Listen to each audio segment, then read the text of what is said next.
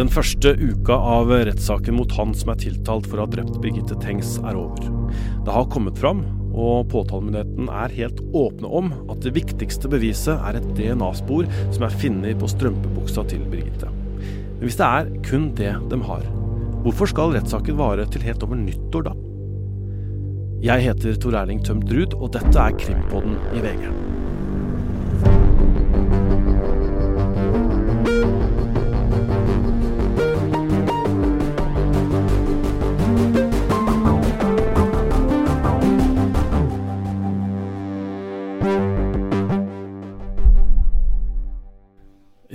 Øystein Milli, nå er eh, du tilbake fra Haugesund. Du har vært der hele uka og dekka rettssaken. Jeg var jo med de første dagene også. Og nå sitter vi i dette lille studioet vårt, da. Eh, hva syns du om eh, rettssaken så langt? Nei, det har vært en veldig interessant uke. man får jo et innblikk, ja, mye dypere innblikk i hva, hva man har og hva man ikke har. Uh, og så har vi jo hørt Johnny Vassbakk sin forklaring, og det er jo alltid sånn at det knytter seg stor spenning til uh, hva den eller de tiltalte uh, sier. Og, og, her var det jo, det visste vi jo, at han hele tida nekta skyld, og da er det enda mer interessant um, å høre hva den anklagede sier.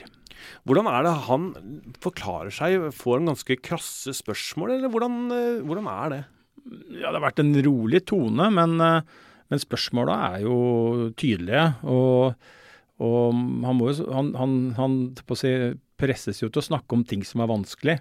Han får jo spørsmål om uh, altså Han har vært i situasjoner som han beklager og som han syns er uh, i ettertid ikke greie. Og han får jo spørsmål om hvorfor gjorde du det, hva tenkte du da, hvorfor trakk du deg ikke, osv. Så Sånne ting får man jo spørsmål om. Så og han brøt jo sammen to ganger øh, ordentlig, og, og var jo Merka jo en veldig stor forandring på han fra onsdag begynte han og var ferdig på torsdag. Og den øh, siste dagen, på torsdagen, så var han jo allerede fra start mye mer sliten enn han var øh, på, på, dagen før på onsdag. Men han, det er ting han, han, husker dårlig. Det er jo vanskelig å huske tilbake så mange år. Men det er også ting han husker veldig godt.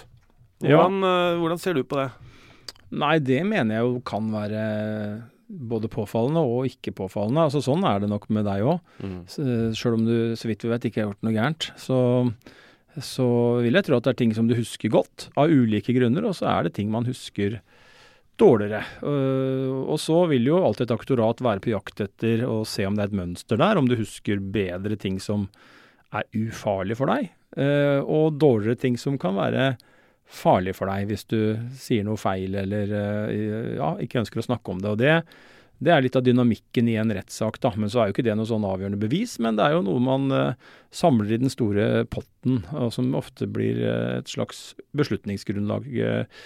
Eller i hvert fall ja, som påtalemyndigheten bruker som argumenter da, i en, prosedyre. Jeg vil jo tro at de Eh, forbereder seg veldig godt. De går gjennom hva de skal spørre om, og, de, og de, må lede, de, må jo, de, må jo, ha en hensikt med spørsmålene. Tror du de prøver å legge en felle, liksom? Og at uh, mot, mot, slutten av rettssaken så sier de ja, aha, du sa det, men ikke det, og så ja. Ikke, ikke sånn, ikke en felle, men jeg, men jeg, tror de på en måte er veldig opptatt av uh, de er opptatt av selektiv hukommelse. De er opptatt av om du sier noe annet nå enn du gjorde i politiavhør, og de spør deg da hvorfor og det har jo skjedd her i denne saken òg, og spør deg da hvorfor er det sånn. Um, så, så, de er jo opptatt av sånne ting, men, men uh, det, er, det, er, ikke noe sånn at nå der skal vi ha en felle. Det er mer det store, lange løpet de, de legger, da. Hvor de uh, jakter etter uh, ja, ulike ting i forklaringa di som du mener er påfallende. F.eks. at du husker mer nå, eller husker mindre nå, eller forklarer deg annerledes og skifter forklaringer underveis. Mm.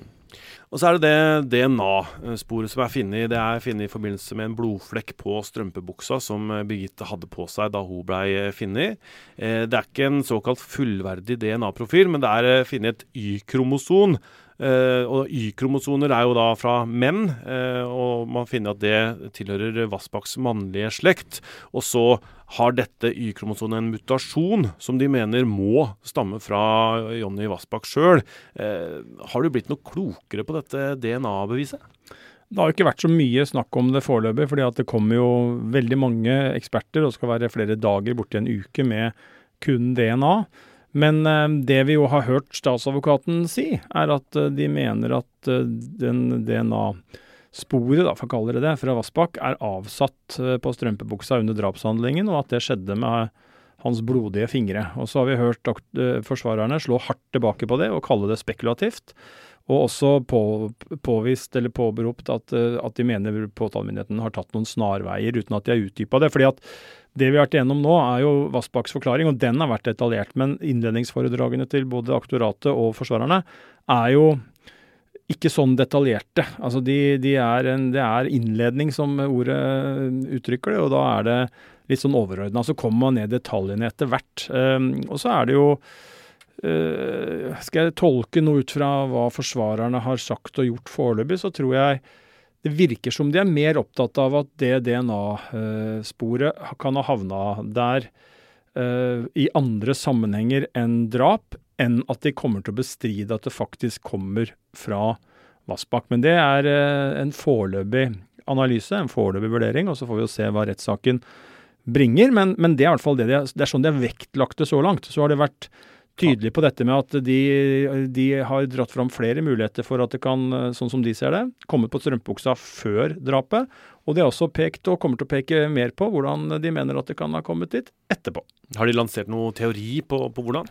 Ja, de har snakka om bl.a. Øh, øh, om det kan være oversmitte via penger, mynter. Vi vet jo at både Vassbakk og, og, Birgitte har jo levd i og for seg i samme lokalsamfunn. Og selv om man ikke har noen sånn klare eh, punkter hvor de har kryssa hverandres grenser, eh, så, så, kan man ha hatt møtepunkter. Og vi har hørt om at Vassbakk nå og så er nok påtalemyndigheten opptatt av at det kommer nå, men han, han har jo snakka med en jente han ikke vet hvem var, som kom inn i bilen og beskrevet henne.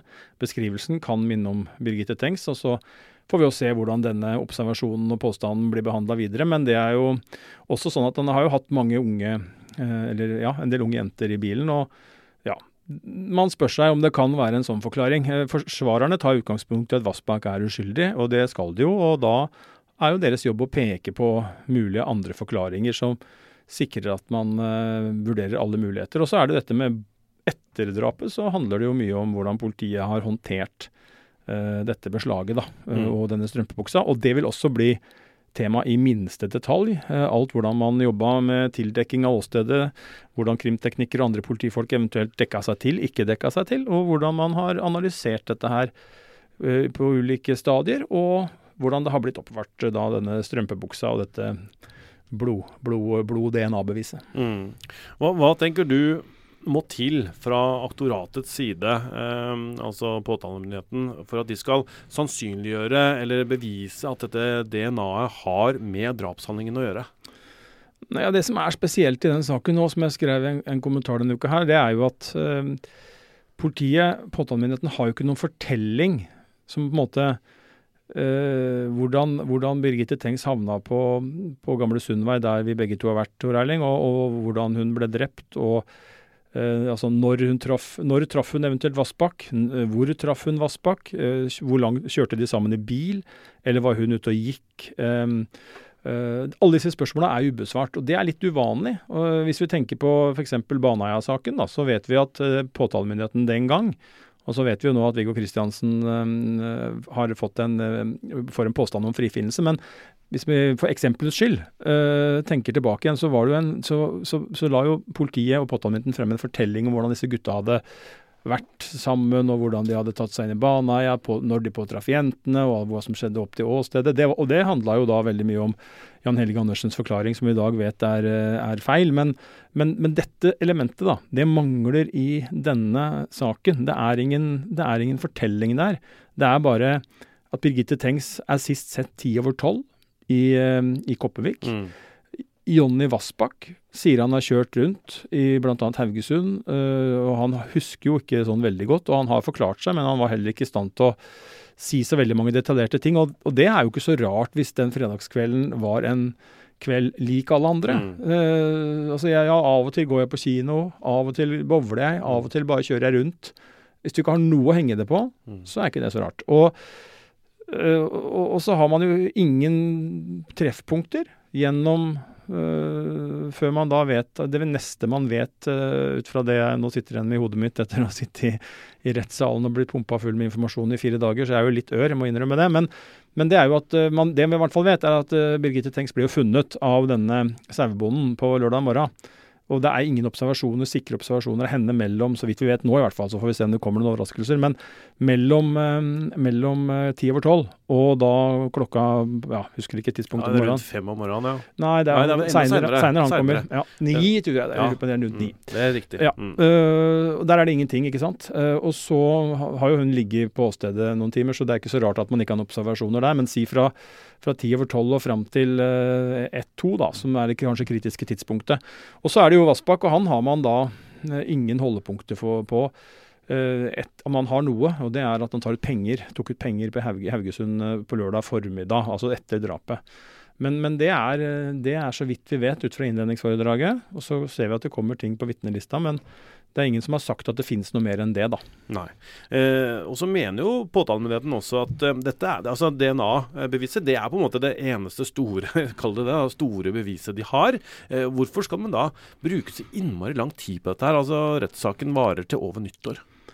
Det handler jo om at man eh, skal presentere så mye som man mener er relevant. Og, og når man har funnet eh, DNA-profilen, eh, ikke unnskyld, DNA-spor, Y-kromosom fra Jonny Vassbakk, som de mener, da, det er påtalemyndighetens påstand, på strømpebuksa, så er det jo ikke uinteressant. altså Når du, finner, når du finner et, en, en DNA-spor på en strømpebukse, så er det jo ikke uinteressant hvem det tilhører. Uh, og Vassbakk uh, altså, har jo blitt brukt mye tid fra påtalemyndigheten sin side på å tegne et uh, bilde av en farlig grenseoverskridende mann som var voldelig. Mm. Han er jo dømt for det, og at han er seksuelt avvikende. Han har jo bl.a. blitt knytta til en blotterepisode med noen små jenter. Så, så, så, det er klart, det er, mener jo påtalemyndigheten er veldig relevant. Og så er det jo dette å føre bevis for Eh, hvordan Birgitte Tengs farta rundt. Er det sannsynlig at hun kan ha satt seg inn i en bil? Um, så er det alt rundt dette med hvordan man har oppbevart bevisene, for å lukke de mulighetene som påtale mener man må. da. Lukke de mulighetene for at det kan være som forsvarerne sier, at det er oversmitte. Så det er jo det er veldig mange ting som uh, For å sitte igjen med måte sånn, det sikreste man kan, så må man belyse mange temaer og lokke mange sånne muligheter hele veien, sånn at man blir Eh, så sikker som man kan, og når påtalemyndigheten skal be retten om å, om å, om å dømme Vassbakk. Og forsvarerne må legge så mange elementer de kan på bordet for å åpne opp muligheten for at han er uskyldig, og da blir det en lang prosess. Mm, mm. Ja, det tar tid. og nå nå på mandag så, så starter jo rettssaken igjen. og Vi ser her Øystein, at uh, på mandag så er det jo da uh, etterforskninga den gangen som, som skal uh, belyses. Det legges fram etterforskningsmateriale fra ulike perioder, da, for det har vært etterforska flere ganger denne, denne saken her. Um, og det skal også innom alternative gjerningsmenn, står det. Er det, er det, er det liksom ja, andre moduskandidater og sånn, eller? Ja, det vil jeg anta. Det finnes jo en liste her med ja. forskjellige, og det er lagd lister i ulike faser. Eh, og det har de gjort også på den siste, siste runden. Og jeg vil jo tro at eh, Så det er ikke, det er ikke sånn det bare tilhører 95-etterforskningen. Det er også gjort det, så vidt jeg vet, i den vi står i nå, altså den som etterforska seg i 2017. Og det er jo interessant på mange måter. Blant annet forsvarerne vil jo synes at det er interessant å, å peke på at eh, ikke bare er Det, er liksom ikke én uh, sånn moduskandidat eller alternativ gjerningsmann som går i to sko, eller har gått i to sko rundt i området. At det er flere kandidater er jo alltid et viktig uh, aspekt for en uh, forsvarer. Og så er det viktig for politiet å vise frem at man har bredde i etterforskningen og sett på flere. Men disse har jo da politiet, sånn de ser det, utelukka. Mm. vi ser på, på tirsdag så kommer det Eh, flere ja, saksanalytikere, heter det, men de skal se på bevegelsene til både eh, Birgitte Tengs og Jonny Vassbakk den kvelden der. De skal se på alternative kjøreruter til drapseftet. Det er jo på en måte et nettverk av gater og veier eh, på, på Karmøy. Vi ser at det er eh, mammaen til Jonny Vassbakk skal eh, vitne. Eh, hun har jo ikke vært i rettssaken før det, for vitner kan jo ikke være i rettssaken før de skal vitne sjøl.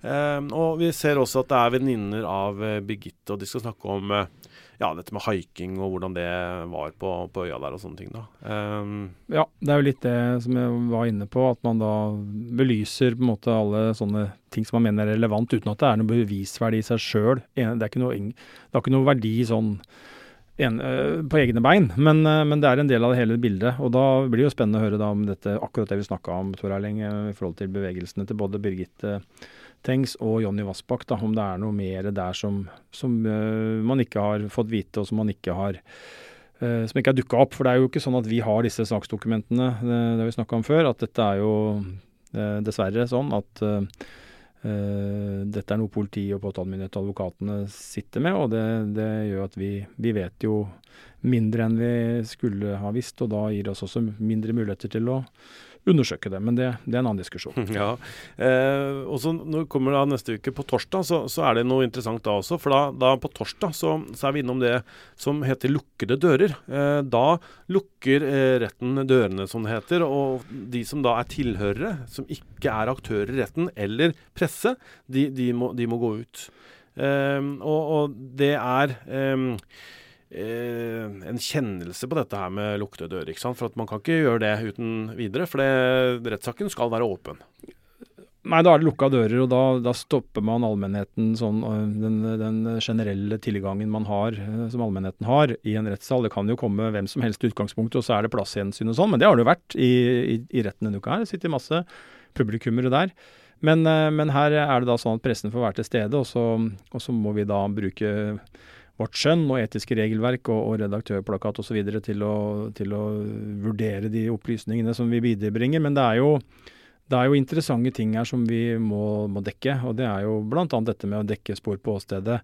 Uh, som jo går rett inn på forsvarernes argumenter. Uh, så, så det, er, det, er, viktige ting som skal opp, men det handler da litt om å begrense uh, på å si, den offentlige gjengivelsen. Da. Selv om vi har muligheten til å fortelle om det, så vet jo retten eh, og aktørene at vi er bundet av pressens etiske regelverk og tar jo Det er jo ikke sånn at vi, om en rettssak er åpen, så er det på ingen måte sånn at pressen refererer alt. Verken hva gjelder navn eller opplysninger, Nei. så tar jo vi selv om det er åpent. Mm.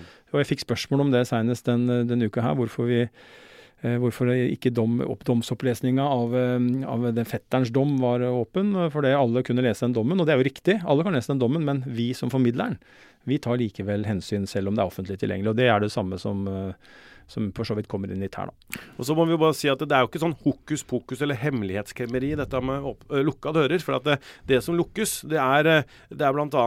Noen kvinner som har hatt et forhold til, til Vassbakk.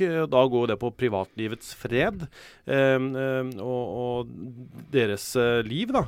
og så er det da krimteknikere og rettsmedisinere som skal forklare seg. Det er jo da som har med åstedet og, og den døde kroppen å gjøre. Er der vises det bilder mm. eh, som, som, som, er, eh, som, er, veldig sterke, eh, mm. og som, da eh, lukkes for, for, for, publikum. Og så er det dette med, med de sakkyndige. Eh, de skal jo forklare seg om hvordan de har eh, ja, vurdert Jonny Vassbakk, og der går det inn på hans personlige forhold ikke sant, og privatliv. og så er det en politibetjent som skal vitne for lukkede dører om databeslag som de har gjort på, hjemme hos Vassbakk.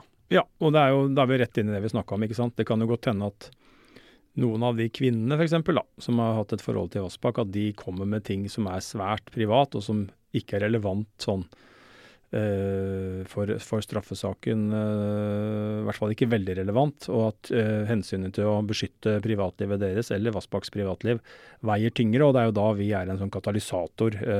ja, vi får vite det, og vi kunne for så vidt ha publisert det også, men men der kommer presseetikken inn, som gjør at vi Alt som er offentlig, havner ikke i, uh, i pressen. Da.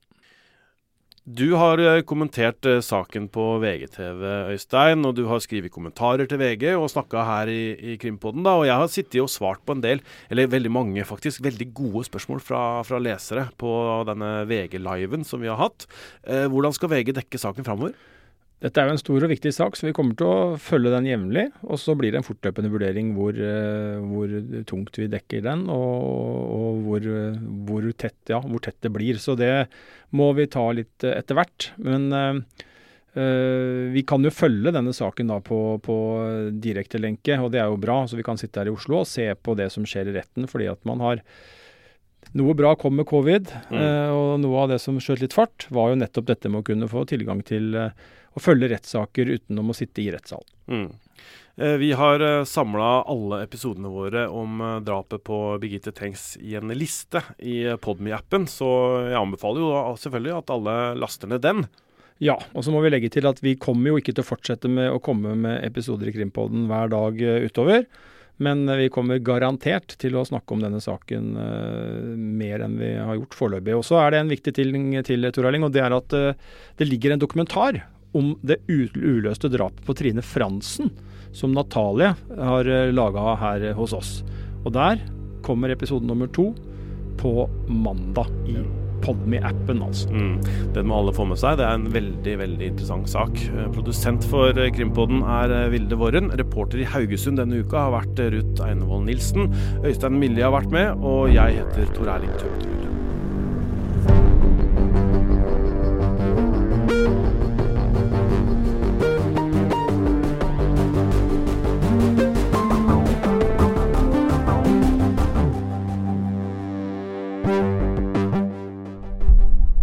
Du har hørt en podkast fra VG. Ansvarlig redaktør, Gard Steiro.